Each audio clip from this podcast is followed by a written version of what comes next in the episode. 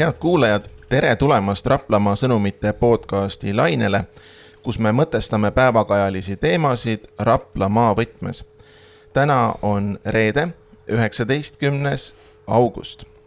homme, kahekümnendal augustil möödub kolmkümmend üks aastat Eesti taas iseseisvumisest. ja tänases saates just neid aegu meenutamegi Raplamaa sõnumite toimetusest on sellest rääkimas Ester Šank, ajalehe Ühistöö tegevtoimetaja. tere! Aleksander Kuruson, Rahvarinde Kehtna algatusrühma aktivist. tere! ja, ja Tõnis Tõnisson, toonane ajakirjanik, praegu Raplamaa sõnumite peatoimetaja. ikka ajakirjanik. tere! jah, ja mina olen ajakirjanik Siim Jõgis nüüd, äh, kui hakata rääkima nendest aegadest, mis nüüd juba on rohkem kui kolmekümne aasta tagused, aeg lendab, eks ole, kas pole? et äh, kui tihti te neid äh, aegu niimoodi omakeskis või, või isegi oma mõtetes meenutate, et kas nad tulevad tihti meelde või siis just pigem seoses selle tähtpäevaga?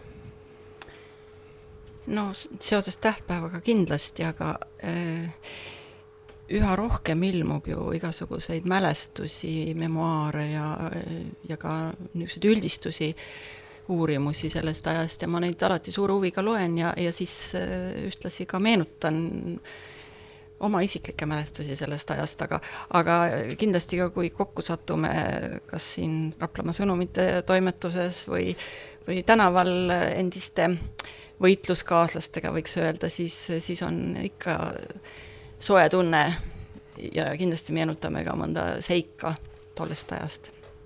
aga Aleksander ja Tõnis, et kuidas teiega on, et kas äh, tulevad need ajad veel meelde või, või ainult siis, kui keegi küsib? ei, päris, päris sageli, siis kui liigud äh, paikades, kus mingisugused sündmused on toimunud, siis kohe tuleb, ahah, siin oli meil sihuke asi, siin me tegime toda. Äh, ja, ja siis kõik see avalik meedia, mis teinekord sündmusi tähistab, toob esile nimesi, sündmusi ja siis sellega seoses ikka päris tihti tuleb meelde. aga eriti need paigad, kohad, kus liigutud ja kus midagi olnud on. no küllap vist ikka niimoodi, et äh, iga aastaga on natukene vähem äh, selle peale mõtlemist olnud, sellepärast et tulevad uued asjad äh,, uued väga olulised äh, sündmused ühiskonnas ja, ja meie ümber.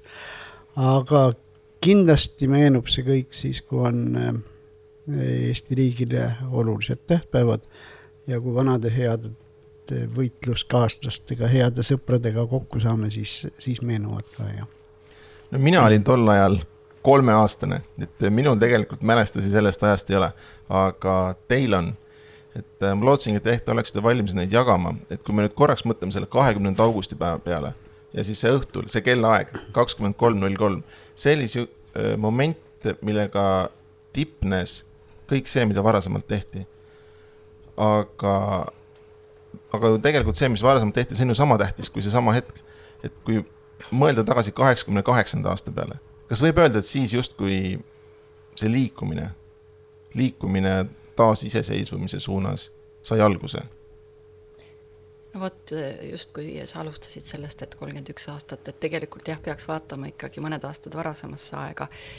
et see oli nagu noh, tollel hetkel oli see meie jaoks justkui nagu lõpp-punkt, kust siis algas uus elu no nii et algus ja lõpp-punkt ühtaegu. aga, aga tegelikult jah, ikkagi neli, kolm-neli aastat varasem aeg oli see see nii-öelda ärkamise aeg, teine ärkamise aeg Eesti rahva jaoks, kaheksakümmend seitse, kaheksakümmend kaheksa. et eh, kui mõelda, et esimesed sellised peatõstmised ja julged väljaastumised eh, olid juba kaheksakümne seitsmendal aastal, noh, Hirve park kahekümne kolmandal augustil, millest nüüd möödub kohe kolmkümmend viis aastat e,, siis muinsuskaitseklubide ühinemine muinsuskaitse seltsiks aasta lõpul kaheksakümmend seitse ja, ja siis juba noh, niisugune laiem üldrahvalik liikumine, mis sai alguse võib-olla siis, ma ei tea, kas Tammsaare park veebruaris kaheksakümmend kaheksa oli see, kus ikkagi juba rahvas tundis, et et ei karda neid hallis ülikonnas mehi enam, kes luurasid kogu aeg ümber. aga, aga noh, kindlasti jah, juba siis see kevad või õieti pärast loomeliitude ühispleenumit esimesel-teisel aprillil Toompeal, ma arvan, et seal ikkagi öeldi, öeldi ikkagi juba sissejuhatuses, kui ma meenutan, kuidas Mikk Mikiver ütles, et et noh, on, on äh, palju asju, millest tuleb rääkida nüüd ausalt ja avameelselt ja mulle tundus, et siis nagu räägiti ka ausalt ja avameelselt juba. või kuidas teile tundub? ja siis ma mäletan, et ma salvestasin, lindistasin kassettmakile see loomeliitude kõnesi ja see oli siis nii ärev tegevus. aga eh, mis puudutas seda kahekümnendat augustit, siis meie kandis oli tegelikult eh, ärevus oli mõni päev varem. kakskümmend august oli juba noh, see õhtune kellaaeg, kui see kõik eh, ilusti välja kuulutati, siis oli tunne, et noh, kõik lähebki nii, nagu minema peab. aga enne, enne seda oli siis, kui need ärevad teated Moskvast tulid, siis oli ikka jupp rapsimist.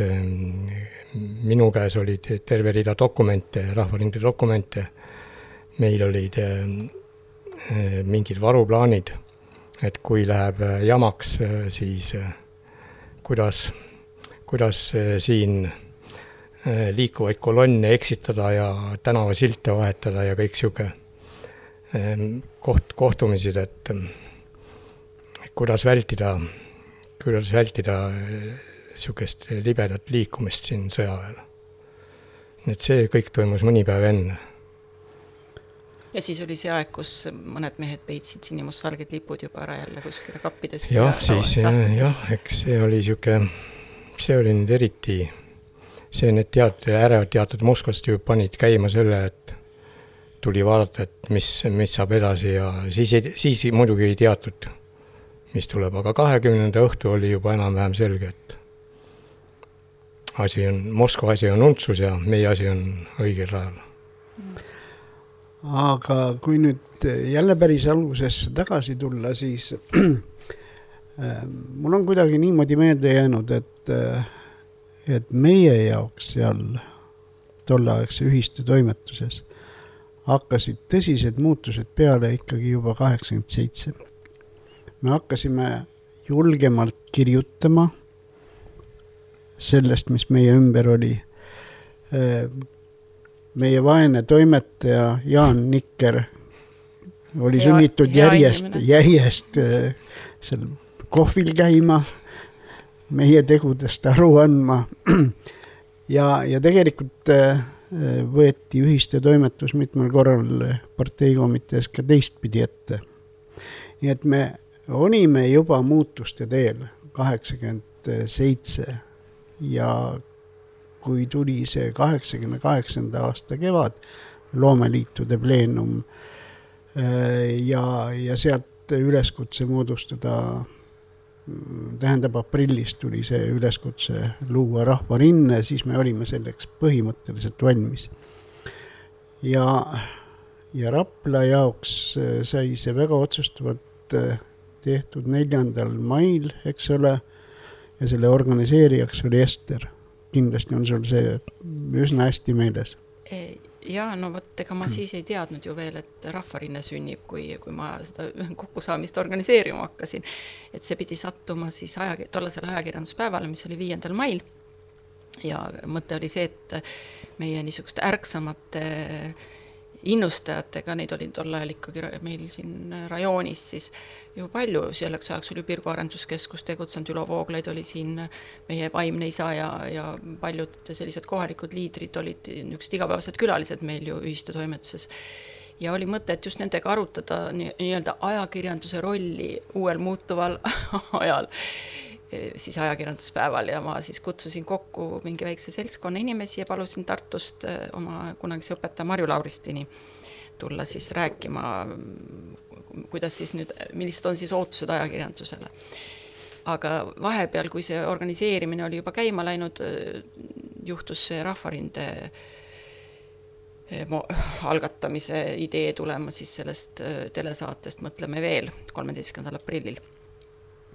Ja, ja siis meie nii-öelda ajakirjanduslik arutelu sujuvalt läks üle kohe selliseks poliitiliseks aktsiooniks, kus me siis kohapeal neljandal mail moodustasimegi ühiste toimetuses eh, kohaliku Rahvarinde algatusrühma siis vist, mäleta, kümmekond inimest oli meil, kes siis sinna alla kirjutasid sellele eh, soovile algatada. ma õigesti mäletan, viisteist.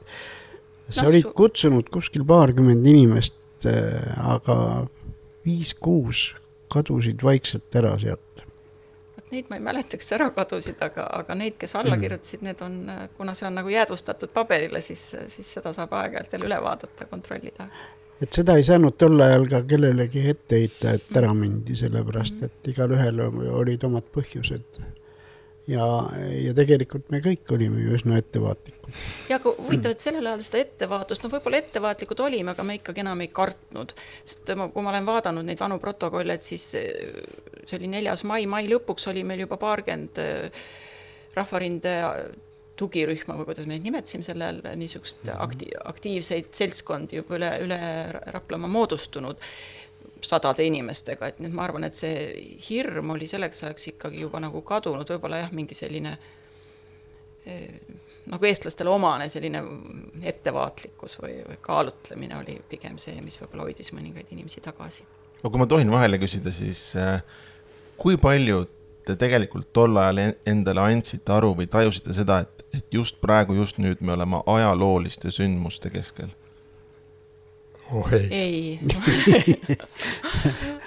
ei vist mitte. me nautisime pigem hetke seda võimalust, noh, ajakirjanik ka nagu Tõnis rääkis sellest, et noh, meil hakkas nagu see lehes kahekümne seitsmendast aastast võib-olla rohkem sellise selline vabanemine, siis me noh, nautisime seda võimalust öelda üha rohkem. Noh, tulla nii-öelda ridade vahelt välja, kui, kui nõukaajal ajal tuli kirjutada nii-öelda piimaga ja triikrauaga üle lasta, eks ole, et siis seda lugeda, mis mõeldud oli. et siis me nüüd nagu üha rohkem nautisime, nautisime seda, et me nii-öelda saame ära panna, ilma et keegi saaks nagu otseselt kinni võtta millestki või, või meile pähe anda, noh, kuigi, kuigi ka seda oli.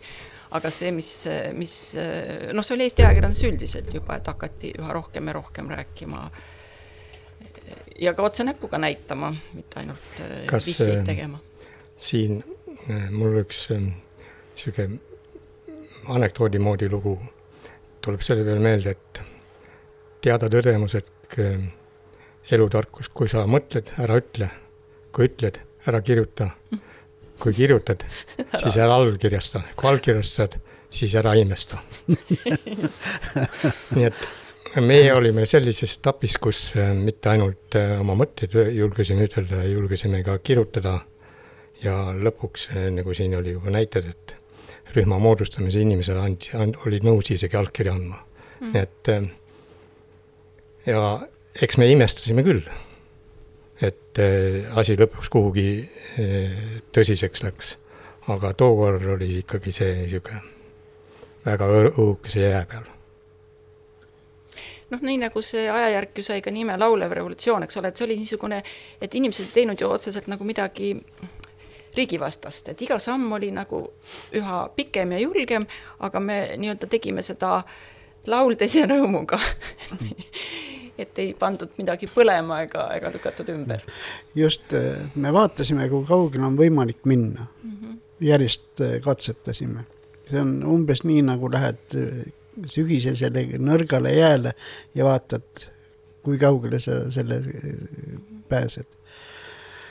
see oli tegelikult väga ilus aeg, tagasi mõeldes just, et ma arvan, et selle tõttu me ka tunneme sellist äh, vendlust või, või sõprust siiamaale, et me tegime koos asju, mida me nüüd tagantjärgi võime küll öelda Siimu küsimusele vastates, et me võib-olla tegime tõesti suurt asja ja olime äh, tähtsate sündmuste keskpunktis, vähemalt siin Raplamaal. aga, aga sel hetkel me seda ei mõelnud, et me noh, tegime nagu seda, mis oli äh, mida me olime ammu lootnud, oodanud ja, ja võimalikuks pidasime. mul tuleb meelde, et äh, Aleksander oli väga tähtsate tegemiste juures vahetult äh,. see oli, see pidi olema kaheksakümne kaheksanda aasta sügisel, kui Eestit tuli üle vaatama keegi KGB suur oh ja, ülemus oh. ja, ja tal ei olnud Eestis äh, tegelikult kokkusaamisi eh, Rahvarinde juhtidega ja, ja vist ajakirjanikega ka mitte, aga selline kontakt tekkis, see võimalus tekkis Raplas ja Sass oli isiklikult selle asja juures. jah, see oli niisugune, hästi kiiresti andi teada, et tuleb eh, NSV Liidu KG, KGB ülem Eestisse ja külastab Kehtna näidissovhoostehnikumi. Noh, ja et, et tuleb vaatama, mis asi see rahvarinne perestroika toetuseks on, sest siis oli ju see rahvarinne perestroika toetuseks. mis asi see niisugune on? ja nüüd siis äh, kohe kiiresti midagi organiseerida. et ma ei mäleta nüüd, kus kaudu mul, kas mitte Sohhoosi poolt mulle ei öeldud seda, et, et Rahvarinne võiks äh, ennast äh, näidata ja nagu palge ette ilmuda. ja siis ma muidugi kiiresti võtsin, minu meelest siis oligi Tõnisega ühest ühendust, et, et mida teha ja kas, mis seisukohti me esitada saame ja siis kooskõlastasime kiiresti need seisukohad, mida siis välja ütelda ja meil oli aega vist, ma ei mäleta, kas oli pool päeva või et natuke me ikkagi, minu meelest me saime kokku see, seda teksti. Me ei saanud kokku. aga mingi mõttevälgatused olid, et mida, mida, mida siis välja öelda sellele ülemale? me ei saanud kokku, eh, meil olid ainult lauatelefonid, mobiiltelefoni no, tol ajal ei olnud Äh, ma mäletan selgelt, et Estriga ei olnud võimalik äh, ühendust saada, ma sain Andresega, Andres Ehiniga sain kontakti ja siis pidasime aru, et kas Andres saaks Kehtnasse minna, kas mina saaksin. loomulikult seda võimalust meil ei olnud, sellepärast et ei olnud poolt tundi või päeva. minu meelest oli see paar tundi ette öeldud ja tegelikult selle Eh, kokkusaamise initsiaatoriks oli Ants Lukas, tolleaegne partei rajoonikomitee esimene sekretär. mis eesmärgiga ta seda tegi, mul on väga raske tagantjärgi seda öelda. Aga kogu vastutus ja kogu, kogu see raskus jäi. tuli läks sassi peale. ja, ja mina siis no ei tihanud üksinda minna ja kutsusin Vahur Tõnissoo, oli ka meil tuntud tegelane seal Rahvarindes ja, ja endaga kaasa ja koos läksime ja istume, istusime siis selles peeglisaalis ja, ja äh, sovhoosi juhtkond ja, ja siis oli Vaino väljas, oli ka kohal. see oli part-, part... E Eesti EKP Keskkomitee esimene sekretär. ja e-, Eesti kõige kõrgem parteimees.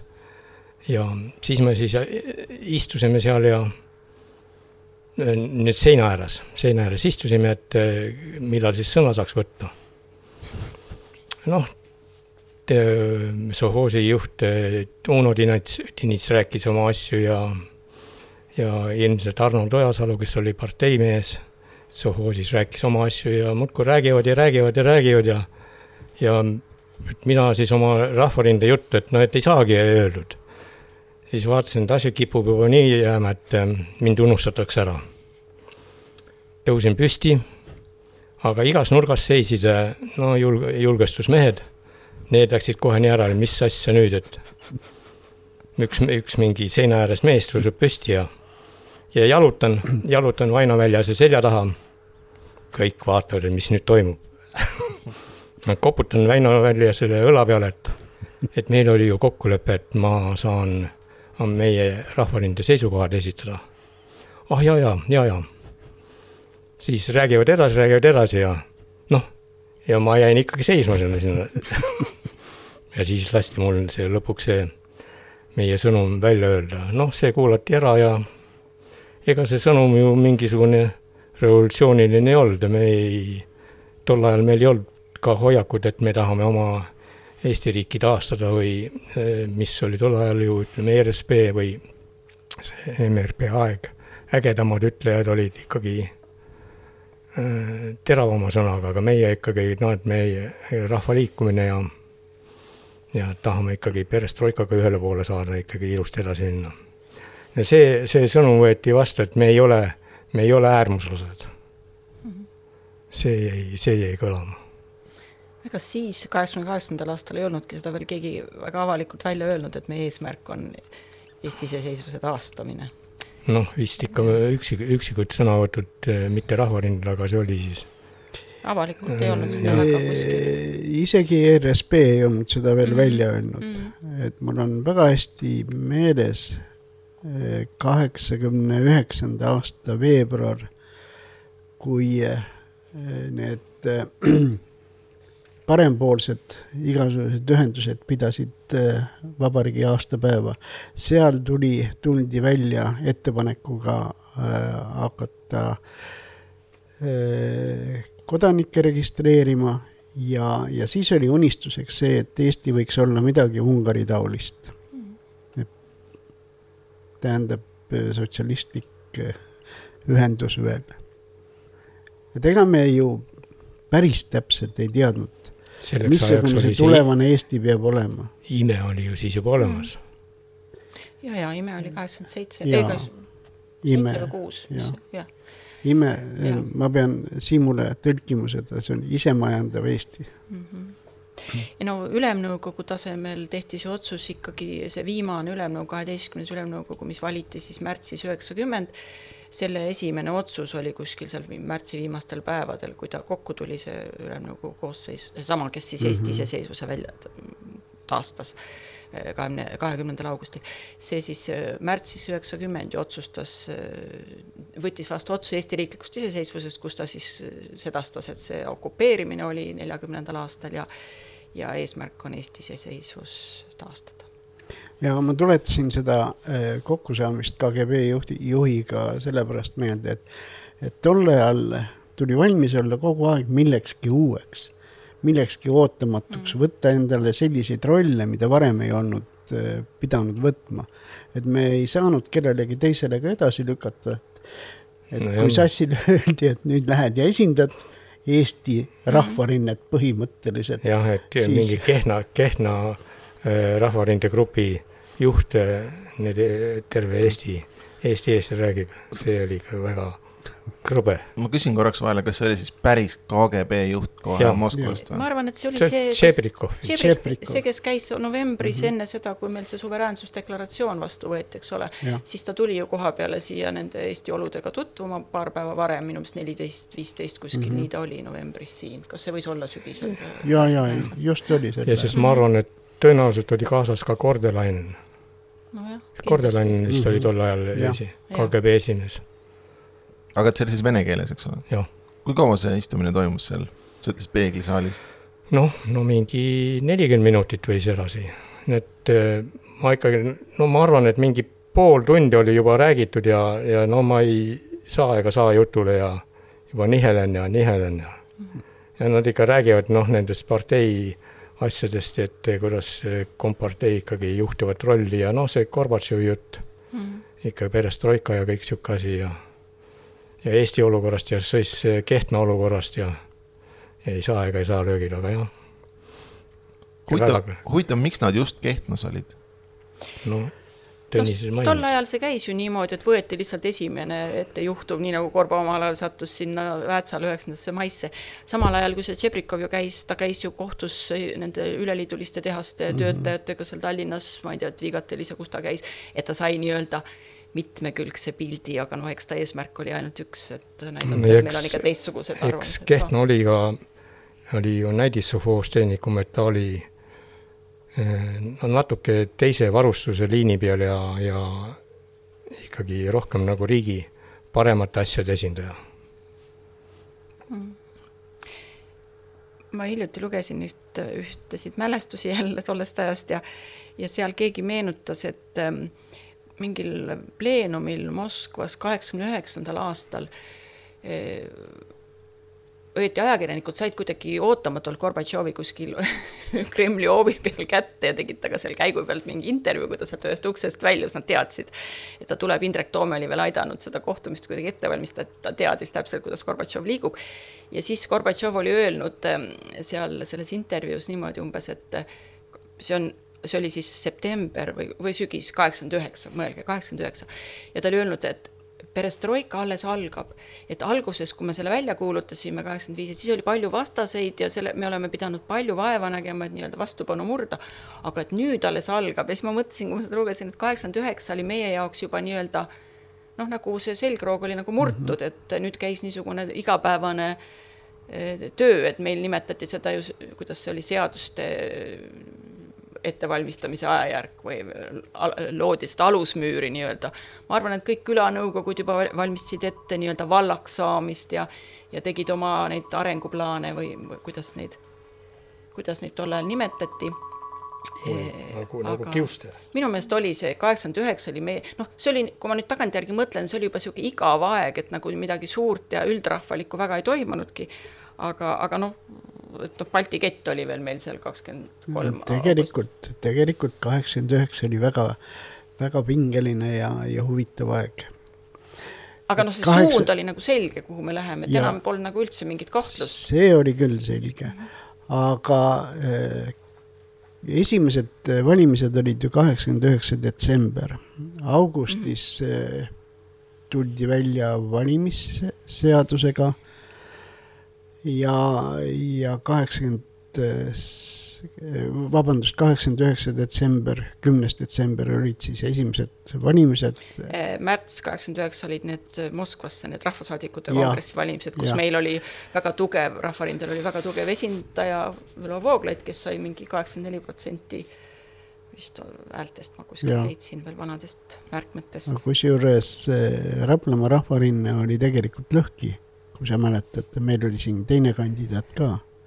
Indrek Toome seati üles alus ja siis me siin isekeskis pidime selle üle, selle, selle pärast jagelema. Indrek Toome tuli nüüd juba Tallinnast suunatult siia kandideerima. aga meie kandidaat oli kangem aga ma tuletan meelde eh, kaheksakümne üheksanda aasta suve, see oli äärmiselt pingeline ja, ja väga tõsine, sellepärast et Interrinne alustas väljaastumisi just nimelt eh, kaheksakümmend üheksa eh, kevad-suvi ja siis olid need suured Tallinna streigid mm, -hmm. mida käisid meie inimesed murdmas. mm, Tallinna ühistransport pandi seisma, meie bussid läksid sinna, äh, kaupasid vedasid äh, Raplamaa, Rapla rajoonist ja Harju rajoonist tulnud mehed. ühesõnaga, siis oli hästi-hästi palju tegemist, hästi pingeline aeg oli. ilmselt niisugused esimesed poliitilise võitluse ilmingud koha peal ka hakkasid siis äh, ilmnema, kui me enne olime väga -hmm. ühtsed, et on, polnud vahet, kas sa olid seal äh, rahvarindlane või või RSP-lane, et nagu üks seesama eesmärk tundus olevat, aga kaheksakümmend üheksa oli see aeg, kus kodanike komiteede liikumine tõusis, eks ole, üles, nagu see kodanike ja. registreerimine. ja, ja siis hakkas ka meie ühistöö seinte vahele jõudis see niisugune erimeelsus kuidagi, et, et kuidagi oli, oli liigitatud ära, et vot see on nagu Rahvarinde inimene ja see on nagu siis eh, kodanikukomiteede, kuigi me ajasime nagu ühist asja, vähemalt mulle tundub.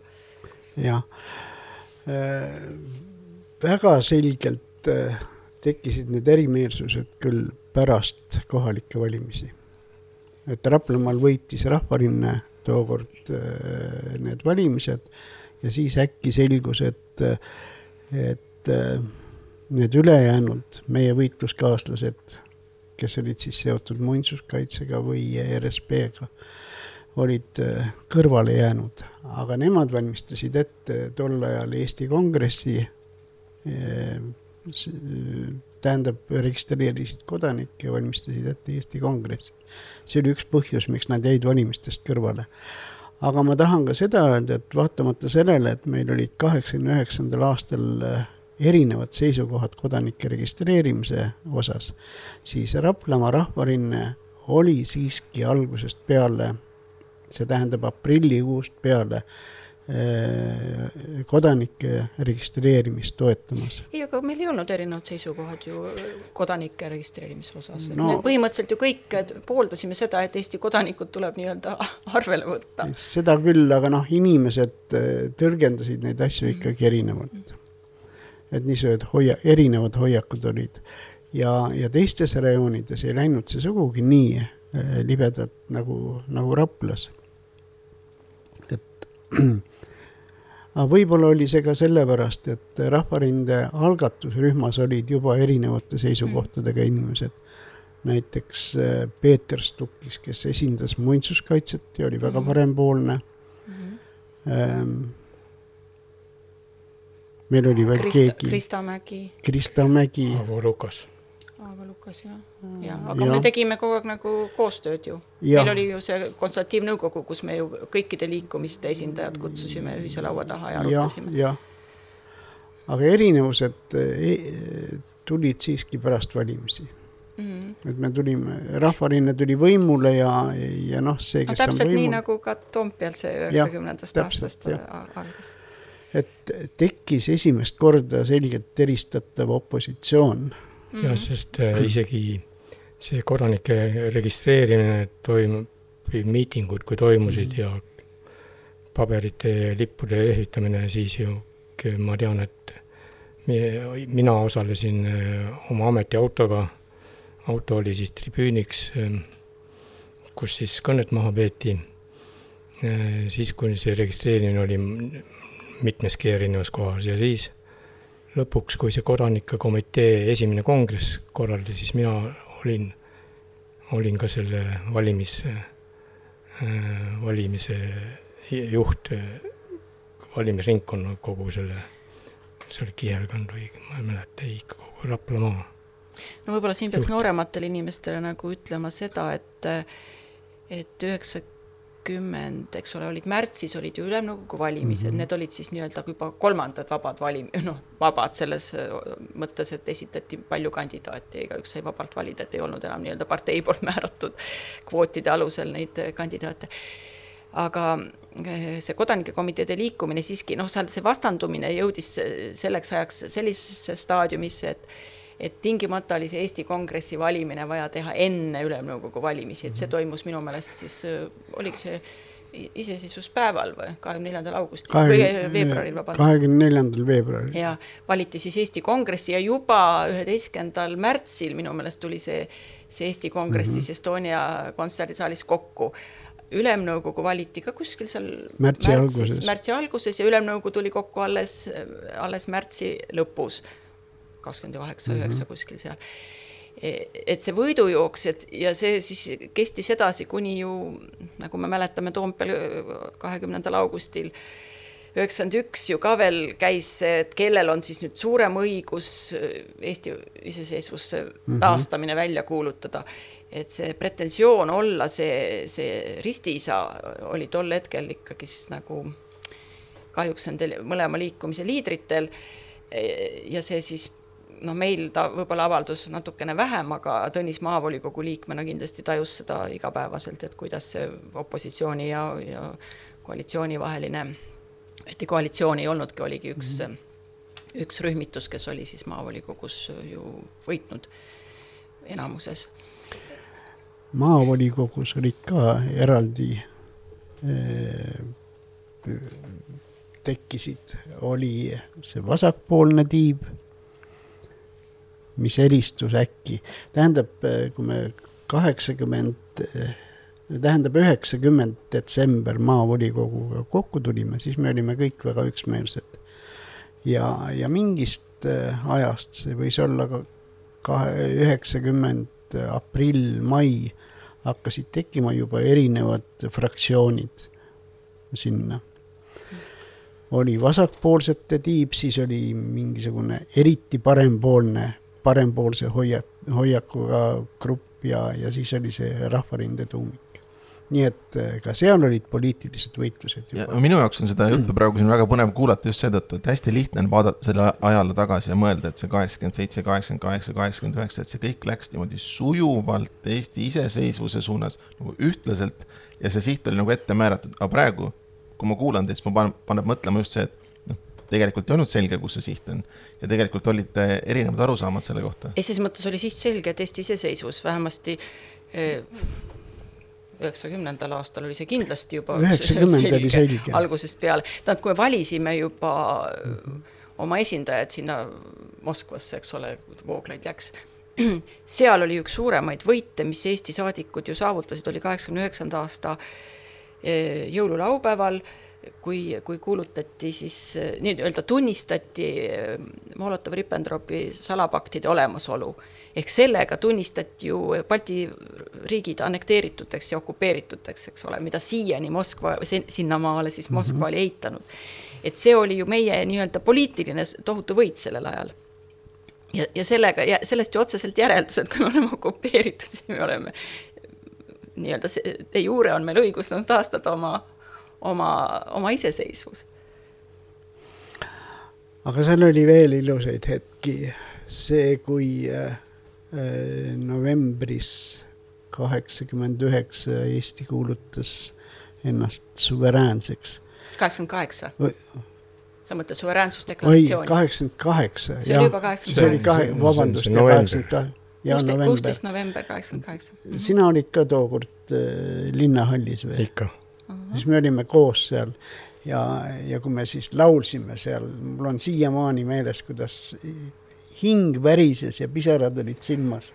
Need olid need, äh, uskumatud hetked. Need olid need hetked, kui need unistused tundusid, et noh, need on kuskil kaugel. ja siis järsku hakkasid tajuma, et tegelikult nad on üpris käeulatuses. aga muidugi sel hetkel oli see õnnistunne ja, ja siht oli, oli teada, no kujutasime ette, kuhu me kõik liikuma hakkame. muidugi mõne aja pärast hakkas selguma, et päris, päris kõik seda üht, ühtemoodi ei näinud mm.. Aga, hakkasid huvid tekkima. aga vaata, kui huvitav oli seesama otsus, suveräänsusdeklaratsioon, et noh, see, see sisu oli see, et Eesti võib ise oma otsuseid teha ja meie seadused on ülimuslikud, et kui meie nii otsustame, siis Moskva ärgu kobisegu. aga, aga tol hetkel oli, Ülemnõukogus oli kakssada kaheksakümmend viis saadikut, kakssada kaheksakümmend viis. kakssada viiskümmend kaheksa kakssada viiskümmend kaheksa hääletas selle, selle otsuse poolt, suveräänsusdeklaratsiooni poolt ja üks oli vastu, üks oli vastu, noh, mõned jätsid mm -hmm, siis mhm, hääletamata mm, -hmm. aga see on ikkagi huvitav, et arvestades, kuidas see ülemnõukogu koosseis oli valitud ja kes sinna kuulus, seal oli väga suur osa nomenklatuuril, igasugustel parteitegelastel ja muudel. aga tollel hetkel tundus see kuidagi iseenesestmõistetav, et Eesti... et mis siin siis imelikku on, täitsa loogiline ju. jah, ja kui mõelda, et, et kahekümnendal augustil üheksakümmend üks hääletas Eesti iseseisvuse taastamise poolt saja viiest ülemnõukogu saadikust kuuskümmend kolm. et siis, kui võtta seda protsenti, mhm. et siis see on väga huvitav, et, et et väi-, väiksem protsent, jah. kust see kadu tuli siis nüüd selleks ajaks.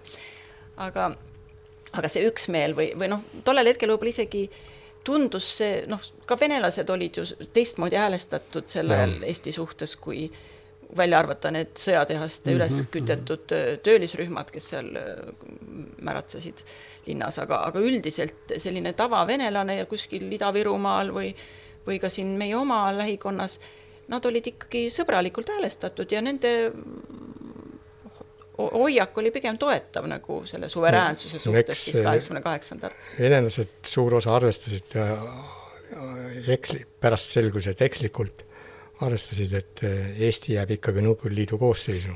jah, sellel hetkel muidugi. et ähm, oleme iseseisvad, teeme ise otsuseid, aga me oleme Nõukogude Liidu koosseisus.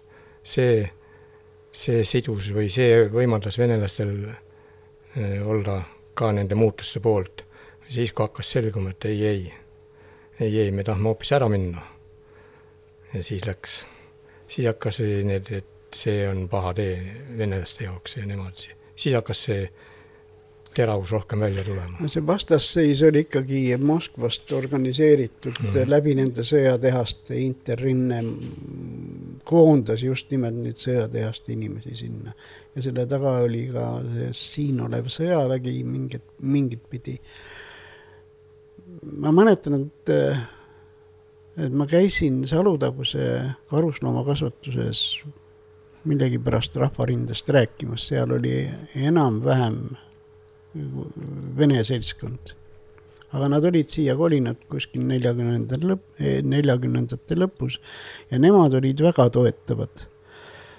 Eh, nad olid, eh, nad toetasid ka Eesti iseseisvumist, täielikku iseseisvumist. Ja hoopis teine seltskond oli Kohila paberivabrikus, kus ma ka käisin, seal võeti mind väga vaenulikult vastu. see oli ikka kole koosolek no meelde jäänud. eks see sõltuski nendest liidritest, et kuidas oli ja, häälestatud ja. äh, rahvas. milles see vaenulikkus seisnes? no see hoiak oli, tähendab, selles ruumis oli juba niisugune eriline elekter ja, ja need küsimused, mis, mis äh, mulle esitati ja, ja küsimused, mis läksid tegelikult kõnedeks üle, kus mm. väga otseselt ähvardati. Öeldi, et äh, te ise hävitate iseennast praegu. see kõik oli reaalselt tookord olemas. no eks see avaldus ju viieteistkümnendal mail üheksakümmend ju Toompeal, kui, kui äh, see Interrinne ründas seal lossi. jah see, ega seal ei olnud ju siis äh, massid, Vene massid koos, seal oli ikkagi ju mingisugune käputäis äh, üles köetud äh, ja ilmselt ja. ka kuskilt mujalt juhiseid saanud seltskonda, kes siis seda tegi. aga samas jälle kaheksakümne üheksanda aasta augustis, kui oli Balti kett, siis sellega tulid ju kaasa ka väga paljud venelased. ja see oli jälle midagi väga erilist. et me oleme kogenud selliseid asju selliseid elamusi oleme saanud, mida teistel ilmselt mitte kunagi ei ole võimalik. ja vaata, isegi see, kui seal jõululaupäeval Moskvas kaheksakümmend üheksa see MRP mm -hmm. olemasolu tunnistati, siis seal saalis oli mis iganes rahvusest, ega nad kõik ei olnud ju vene rahvusest, seal oli kõik, kõikvõimalikke Nõukogude Liidus äh, nii-öelda äh, anastatud rahvaid, rahvaste esindajaid koos, kes siis ju paljud nutsid lausa seal saalis, et meid on ju petetud, meil on ju kogu aeg räägitud, et see kõik oli vabatahtlik, Nõukogude Liit, Nõukogude Liitu astumine. aga näe, tuleb välja, et meid on petetud, vaesekesed, nad ei teadnud seda. kas me saame seda neile süüks panna? nii, aga üks asi, mis mind on pannud imestama või pannud vähemalt mõtlema, on see, et äh, tol ajal äh, ajaleht ei olnud mitte ainult äh, uudiste kajastaja, vaid ka nagu vaimsuse kandja. oli see nii? oli küll, aga minu meelest peaks ajaleht olema kogu aeg vaimsuse kandja. see, et ta praegusel ajal seda ei ole, see on pigem nagu halb ja vale, et mina leian, et aja, ajakirjanduse missioon, vähemasti sellise ajakirjanduse, nagu mina seda näha tahaksin, peaks olema kogu aeg kanda vaimsust, tunda vastutust meie kultuuri säilimise eest, mitte ainult seal äh, päise all äh, loosungina välja kuulutada seda, nagu Postimees teeb, vaid et sisuliselt ka seda tegelikult teha no, olla. rääkimata sellest, et äh, kõik need rahvarinde koosolekud, juhatuse koosolekud reeglina toimusid ühi-, mis ta siis oli, ühistöö või? ühistöö toimetuses. nii et ähm, ajaleht oli tookord ikkagi selle, selle uue mõtte põhikandja ja ja see oli koht, kus oli, oli seda vaimsust kuhjaga. ei, see ei tekkinud, tekkinud kuskil tööstuslikus kollektiivis või, või mõnes põlluettevõttes, aga tekkis just nimelt ajalehes. aga see ei olnud ainult rahvarinne, mis, keda me nagu nii-öelda kelle jaoks me olime nagu mingi keskus või et seal kes tahes inimene võis tulla ja oma ideid esitada ja, ja ka teised liikumised tundsid, et nad said sealt nagu ja. toetust, et leht ju kajastas kõikide seisukohti minu meelest äh, võrdselt. jah. Äh, ajalehe ühiste toimetuses sündis äh, Rahvarinne, ajalehe ühiste toimetuses sündis kaheksakümne üheksandal aastal roheline partei, mis rohelise liikumise poolt küll hävitati, aga see fakt on olemas. sinna koondusid eh, kodanike komiteede registreerijate kõik niidikesed. et tegelikult eh, see on, eh, see on tõesti uskumatu, et, et meie ajalehe toimetus muutus staabiks, sealt juhiti kogu seda vastupanemisliikumist, kusjuures keegi ei suunanud, ei, meid seda, seda tegema keegi ei öelnud kusagilt ette, see lihtsalt oli nii. me võtsime selle kohustuse kuidagi vabatahtlikult, iseenesestmõistetavalt, ajakirjanikena ja, ja selles on Estril muidugi õigus, et ka täna peaks olema ajakirjandus Äh, julgem, otsekohesem ja, ja võtma rohkem vastutust. mis hetkel hakkas ühistöötoimetuses sinimustvalge lipp äh, lehvima, oli see teil seal kuskil üleval seina peal? ei olnud seina peal, oli aknast nähtav. vaata, esimene, Rapla esimene sinimustvalge lipp pandi Pangamaja katusele ja see oli meie akendest nähtav ja me tegelikult olime selle lipu heiskamise toetajad. Mm.. Nikkel Mihkel käis ja, ja õiendas meie kaudu neid asju. Mm see oli ka väga uhke. sõitsid raudteejaama juurest, hakkasid tulema ja sinimust valge lehvis.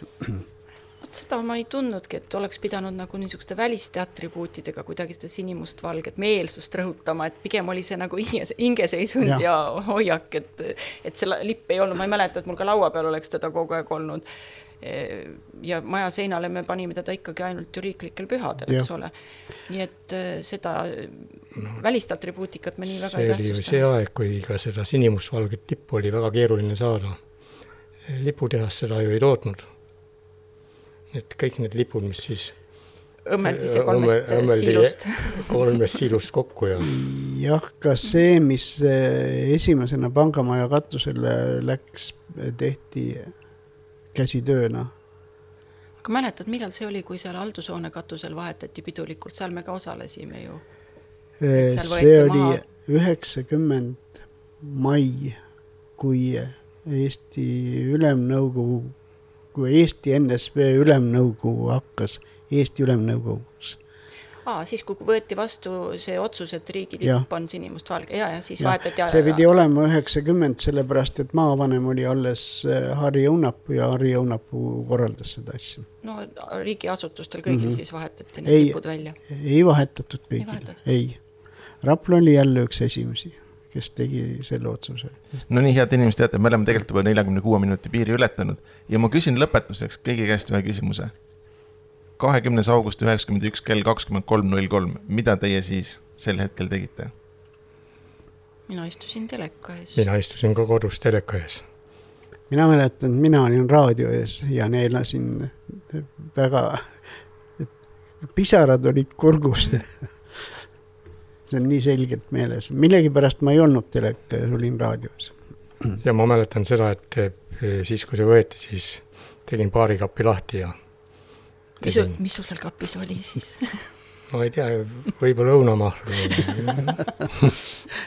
igatahes sai pitsikese võetud kohe, et, et ometi on see tehtud. kui sul midagi erilist oli, siis äh, tuleb küsida, kus sa selle said tookord. jah, tookord jah. et ma tahan meelde tuletada, et uh, uue aasta šampus osteti tihtipeale maikuus valmis, sellepärast et ei teadnud, kas see hiljem on, on võimalik. tavaliselt ei olnud siis enne aastavahetust nii, eh, head kuulajad, täna siis meenutasime kahekümnenda augusti sündmusi ja seda perioodi, mis eh, eelnes sellele. suur tänu, et olite täna meiega. suur tänu, et kaasa mõtlesite. Raplamaa sõnumite podcasti saab kuulata ikka ja jätkuvalt eh, Spotify's ning Raplamaa sõnumite veebilehel sõnumid.ee.